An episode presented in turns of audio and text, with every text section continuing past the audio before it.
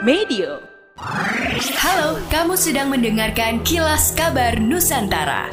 Podcast persembahan KG Radio Network menyajikan berita harian yang mengangkat keunikan dari berbagai wilayah Indonesia. Kilas Kabar Nusantara dapat juga didukung oleh pengiklan loh.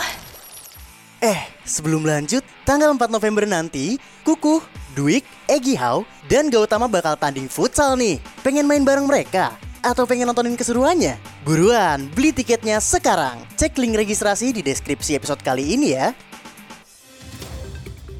Empat ribuan orang menari bersama di lapangan Manggala Praja, Kecamatan Uriantoro, Monogiri pada Jumat 27 Oktober 2023 dalam peringatan Hari Sumpah Pemuda. Camat Uriantoro, Sumarjono Wajari, mengatakan pada peringatan Hari Sumpah Pemuda ke-95 kali ini, pihaknya mengangkat tema yang dapat menumbuhkan rasa memiliki budaya Nusantara. Camat tersebut juga menjelaskan dalam acara bertajuk Uriantoro Menari itu diikuti kurang lebih 4.000 peserta yang menari bersama. Adapun tarian yang disajikan adalah tarian Nusantara yang merupakan kolaborasi beberapa sanggar tari yang ada di Kecamatan Wuriantoro.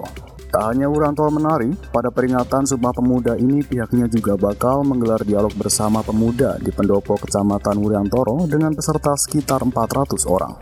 Demikianlah kilas kabar Nusantara pagi ini.